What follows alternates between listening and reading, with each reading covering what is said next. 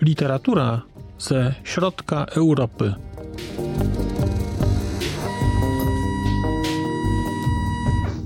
Podcast około książkowy.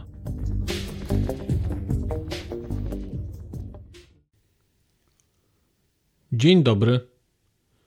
Nazywam się Marcin Piotrowski, a to jest podcast około książkowy Znak Litera Człowiek. Spotykamy się po raz kolejny, po raz trzeci w sumie, przy okazji opowieści o kolejnej książce Jerzego Hajczka. Tym razem jest to książka Zaklinacz deszczu. Książka, no chyba ostatnia z książek Hajczka, które ukazały się w polskim przekładzie. To jest przekład y, pani Doroty Dobrew. A książkę wydały w roku 2018 książkowe klimaty. Sama książka pochodzi z roku 2016 bodajże. No i, no i właśnie, cóż można powiedzieć? No, można byłoby powiedzieć tyle, że jest to klasyczny hajczek. I powiem Państwu szczerze, że to jest trzecia książka, którą czytałem, hajczka. I bardzo żałuję, że na razie więcej po polsku nie ma cały czas się zastanawiam, czy odważę się akurat Hajczka mm, spróbować przeczytać w oryginale. Nie wiem tego jeszcze w tej chwili, ale będę tęsknił za tą prozą, będę tęsknił za tym, jak i o czym pisze Hajczek. Zaklinacz deszczu to jest książka z tego cyklu, o którym już kiedyś wspominałem, czyli wiejskiej trylogii moralnego niepokoju. I kiedy wspomniałem na samym początku, kilka minut temu, że ta książka to jest typowa książka Hajczka, no to ona jest w rzeczy samej typowa. Tu na, nadal mamy więc tutaj jako główny ośrodek miejski czeskie Budziejowice, chociaż gdzieś tam w tle pojawia się Praga odlegle, jakieś pojedyncze scenki. Mamy czeskie Budziejowice, więc jako taki ten główny ośrodek lokalno-miejski. Natomiast y, historia rozgrywa się y, wokół, w wioskach wokół czeskich Budziejowic. Jest to więc, po raz kolejny właściwie są to więc Czechy wiejskie, Czechy prowincjonalne i takie Czechy do jakiegoś stopnia powiedziałbym środkowoeuropejskie. Każda z dotychczasowych książek Hajczka którą czytałem, to jest taka książka, który ma, która ma jakby taki jeden środek ciężkości, taki punkt, wokół którego książka koncepcyjnie gdzieś krąży. W przypadku Selskiego Paroka e, było, było, to, było to poszukiwanie tych korzeni, poszukiwanie tożsamości. Główny bohater był genealogiem. W przypadku rybiej krwi był ten motyw, powiedzmy, tego, tej elektrowni y, jądrowej i zalewu, który gdzieś tam w okolicach powstaje. A w przypadku zaklinacza deszczu motywem przewodnim jest Ziemia. Ziemia rozumiana jako ta fizyczna, ta fizyczna ziemia, grunt, ziemia orna, ziemia także w takim rozumieniu, bym powiedział, ojcowizny, trochę lokalnej ojczyzny. Więc tutaj jest ziemia, i historie, które gdzieś tam wokół niej się rozgrywają. Kiedy sobie zajrzałem do książki, zanim jeszcze ją zacząłem czytać, to na tej stronie takiej, gdzie zawsze są historie związane z copyrightami i tak dalej, zobaczyłem, że książka ma pozycję konsultacja prawnicza. Spojrzę tylko, konsultacja prawnicza, tak jest. Którą to, której to konsultacji udzieliła pani doktor Małgorzata Kalita. No i stwierdziłem, że uuu, no to będzie jakaś, musi być grubsza historia. I rzeczywiście gdzieś ta historia jest bardzo konkretna i trochę grubsza. Nie ukrywam, że jednej, jednej rzeczy mi w tej książce brakowało. Brakowało mi mm, takiego słownika, który wyjaśniałby albo wprowadzałby czytelnika zupełnie nieobeznanego w specyfice nie to, że czeskiego prawa tam własności czy okolic, ale również człowieka, który w ogóle nie bardzo ogarnia język prawny i specyfikę zapisów prawnych związanych tam z katastrami, dziedziczeniem gruntów i tak dalej. I to, tego mi trochę tu brakowało, bo mam wrażenie, że ileś rzeczy mi w tej książce umknęło. Nie to, żebym przez to był jakoś uboższy i żebym, e, i żebym nie rozumiał czegoś, ale mam takie wrażenie, że gdybym e, znał kontekst prawny, to może byłoby to dla mnie ta, ta lektura byłaby, nie wiem, pełniejsza do jakiegoś stopnia, bo więcej historii, których, które w tej chwili gdzieś mi przeciekły przez palce, bym zauważył. Historia jest, powiedziałbym, typowo hajczkowa. Mamy więc głównego bohatera, którym w tym wypadku jest e, taki już dosyć dojrzały mężczyzna, prawie dobiegający pięćdziesiątki, który zajmuje się zawodowo obrotem, czy właściwie nadzorem nad, nad gruntami, które są w posiadaniu lokalnego uniwersytetu. Tam e, przeprowadza różnego typu operacje na, na tych gruntach. Jeżeli ktoś chce od uniwersytetu coś wydzierżawić, żeby postawić sobie billboard, albo nie wiem, wynająć jakiś budynek, który jest własnością właśnie uczelni, no to załatwia to z nim. On te wszystkie rzeczy nadzoruje, szuka spadkobierców, e, no i tak, takie, tak rozlicza te wszystkie historie związane z nieruchomościami i z ziemią. Mieszka sobie w tych czeskich Budziejowicach. Mieszka w takim pięknym XIX-wiecznym e, mieszkaniu, w takim wielkim, w starej kamienicy mieszka z nauczycielką muzyki w konserwatorium i wiedzie sobie, wiodą sobie właściwie bohaterowie takie wygodne mieszczańskie życie. Z czymś się zmagają, mają tam jakiś swój problem, o którym powiem za chwilkę. Oni się zmagają z czymś, po czym nagle gdzieś tam do niego puka jego historia, puka jego przeszłość. No i kiedy ta przeszłość się o niego upomina, to nagle okazuje się, że widzimy tego człowieka, Zdenka, widzimy w zupełnie innym kontekście. Bo do tej pory widzieliśmy go w kontekście miejskim, w kontekście mieszczańskim, w kontekście takim, nazwijmy to, urzędniczo-biurokratycznym, a nagle widzimy jego przeszłość, trochę wracają do niego wspomnienia i widzimy go jako prostego chłopaka ze wsi, mieszkającego na wsi, bawiącego się tam e, z kolegami, z koleżankami, chłopaka, który gdzieś na tej wsi przeżywa dojrzewanie, a później z tej wsi wyjeżdża i już tam nie wraca. Ale wróci. Ale wróci i trochę ta historia tego, może nie powrotu, ale tego powracania i okoliczności tego powracania, to jest właśnie książka Zaklinacz deszczu. Dlatego, że historia, która tutaj jest w niej przedstawiona, to jest historia, nazwijmy to, wewnętrznej niezgody na pewien szwindel, na próbę oszukania, wyłudzenia, skorzystania z naiwności niektórych mieszkańców tejże wioski i zrobienia na tym przez grupę ludzi dużych pieniędzy, zrobienia tych pieniędzy zasadniczo zgodnie z prawem, ale główny bohater niespecjalnie się na to godzi. To znaczy rozumie, że istnieje litera prawa i te osoby, które prowadzą te interesy, zachowują się zgodnie z literą prawa, ale istnieje też duch prawa i oni tego ducha, no jeżeli można złamać ducha, no to obserwujemy tutaj właśnie łamanie tegoż ducha. No i to właściwie trochę ta książka jest gdzieś fragmentami taka ocierająca się trochę o kryminał, trochę o taką, może o taki thriller prawniczy, nie wiem, nie czytałem żadnego, ale tak sobie go mogę wyobrazić gdzieś częściowo. Trochę o jakąś książkę taką dochodzeniowo-śledczą, bo tu jest trochę odkrywanie takiej historii.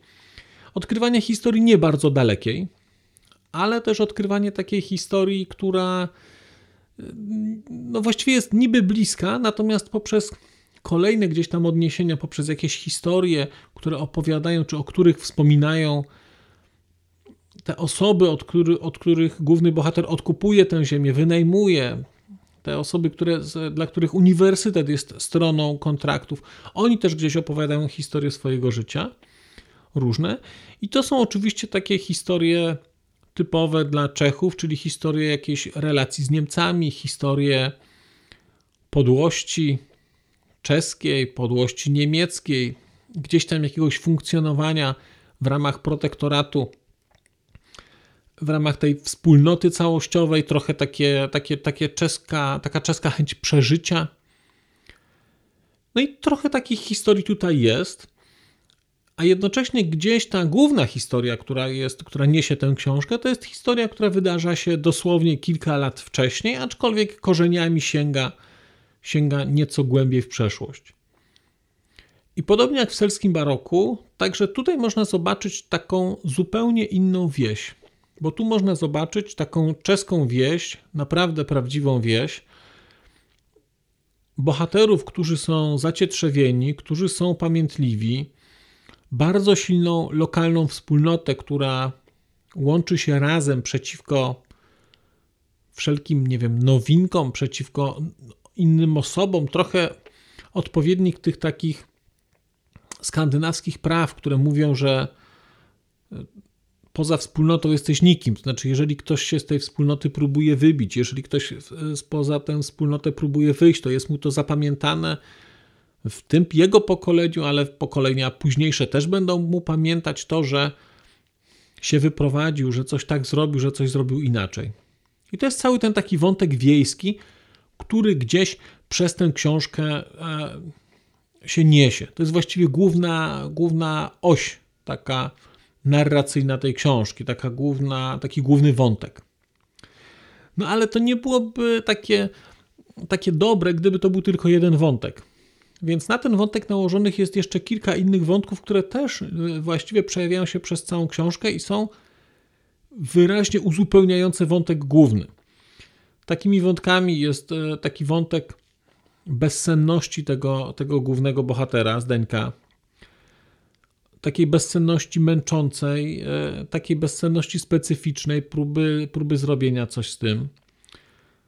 Jest też wątek próby zbudowania rodziny mm, poprzez, poprzez e, leczenie niepłodności. To jest taki też bardzo ciekawy wątek, który gdzieś się tutaj przez całą tę książkę pojawia.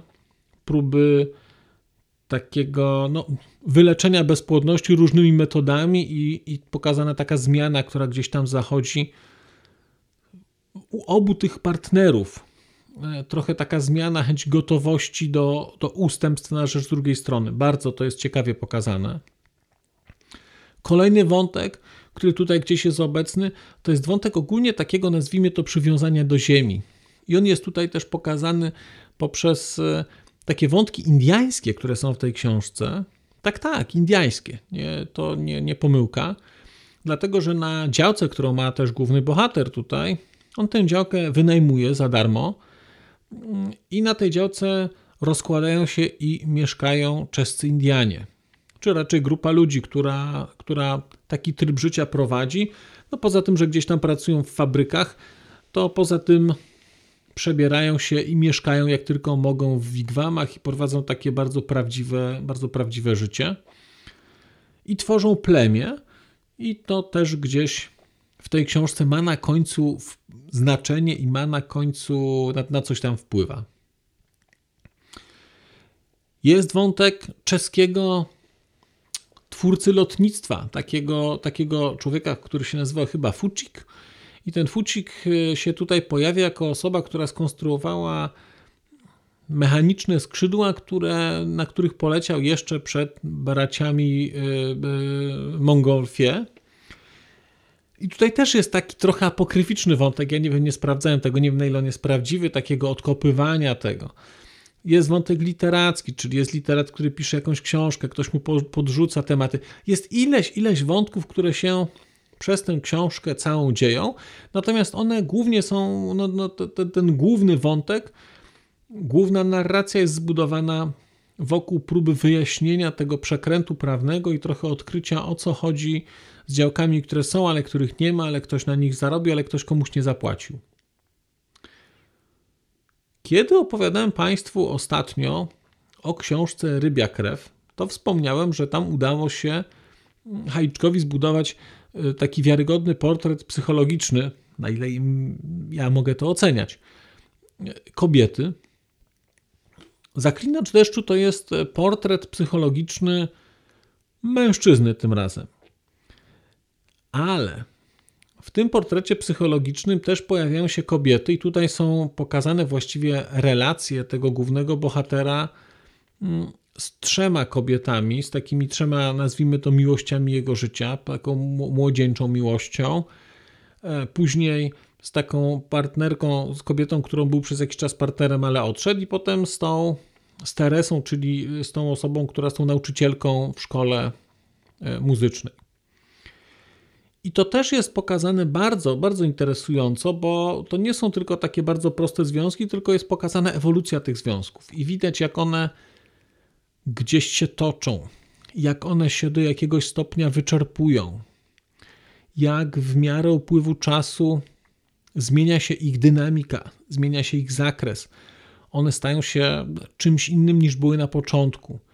Jak niektóre rzeczy gdzieś wracają, że pod, tak, takie, takie flashbacki pamięci, które potrafią również przywrócić pewne uczucia, które wydawały się, że gdzieś zaginęły. Dobrze to jest bardzo napisane. Miałem wrażenie takie, jak to czytałem, że to było takie.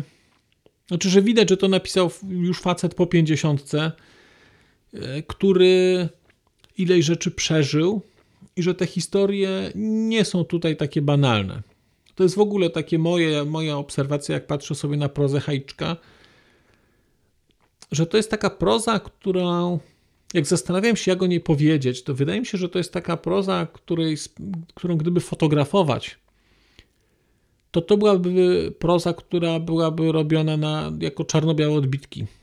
To są takie klasyczne czarno-białe zdjęcia.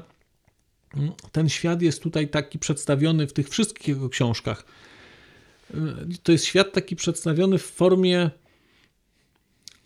takich odcieni szarości to wszystko jest takie zgaszone, to wszystko jest jakoś takie spłaszczone, a jednocześnie poprzez to spłaszczenie widać mistrzostwo tego.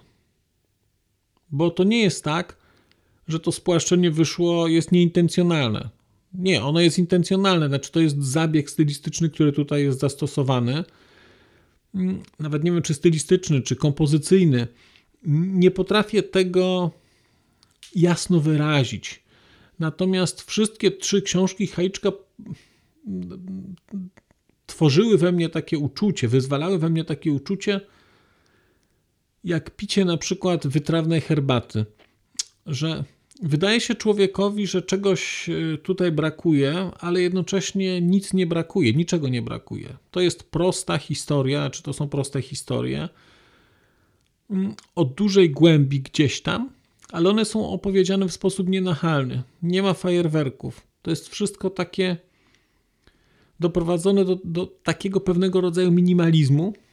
I mi te wszystkie rzeczy bardzo tu odpowiadają. I stąd ten minimalizm u mnie przejawia się poprzez odwołanie do tej czarno-białej, do tej czarno-białej fotografii. Mm, to jest. E, no, ten, ten hajczek taki dla mnie jest. Ja mam takie poczucie, że będę tęsknił za taką prozą. Za taką prozą, która jest pozbawiona jakichś tam ozdobników, a jednocześnie która jest prozą dla, mam wrażenie, takich naprawdę dojrzałych osób. I nie dlatego, żebym dodawał sobie jakoś teraz lat czy dojrzałości intelektualnej, której nie ma. Ale no to, to jest taka książka, którą, którą wydaje mi się trudno może być zrozumieć, jak się ma 20 lat. Niczego nie mówiąc osobom, które mają 20 lat, ale wydaje mi się, że jeszcze za mało się w życiu widziało, za mało się w życiu przeżyło, za mało się doświadczyło tych rzeczy, o których mm, Hajczek pisze w swoich książkach, w szczególności, w szczególności w Zaklinaczu deszczu, o właśnie o tej ewolucji związków, o tym pragnieniu dostosowania się, o pragnieniu uszczęśliwienia drugiej osoby, nawet swoim kosztem, mm, no, o powrocie do miłości, której, która kiedyś była, nawet jak się tego nie chce. To są wszystko takie rzeczy, które mówię, które, które wydaje mi się, których człowiek jest właściwie świadom dopiero po minięciu jakiegoś wieku. I, I wydaje mi się, że ten wiek jest oczywiście u każdego inny, ale jest związany z jakimś poziomem wrażliwości na drugiego człowieka, z jakimś poziomem takiej empatii i trochę takiego no, zrozumienia, zrozumienia tego życia. Bardzo Państwu zaklinacza deszczu polecam. Mm, gdybym się miał zastanowić, czy zaklinacz deszczu, czy rybią krew, różne są te książki. To jest kolejny raz, jak, ta, jak książka, kiedy książka Hajczka jest różna. I mimo, że mam wiele tych wspólnych cech, stylistyka, tematyka, mm, rozkład akcentów, to jednak te książki są różne. I można rozpoznać styl Hajczka, jak ktoś zdejmie okładkę odrzuci, to, to rozpozna to, jeżeli czytał więcej. Ale jednocześnie nie potrafię tych książek ze sobą porównać, bo one są tak różne, że nie da się ich nie da się ich jasno porównać. No, jeżeli lubicie Państwo krótkie książki, no to wydaje mi się, że Zaklinacz deszczu, spojrzę tutaj, 312 stron. To jest, proszę Państwa, okazja, żeby przeczytać cieniutką książeczkę, Oczywiście równie cieniutka e, jest 500-stronicowa plus rybia krew.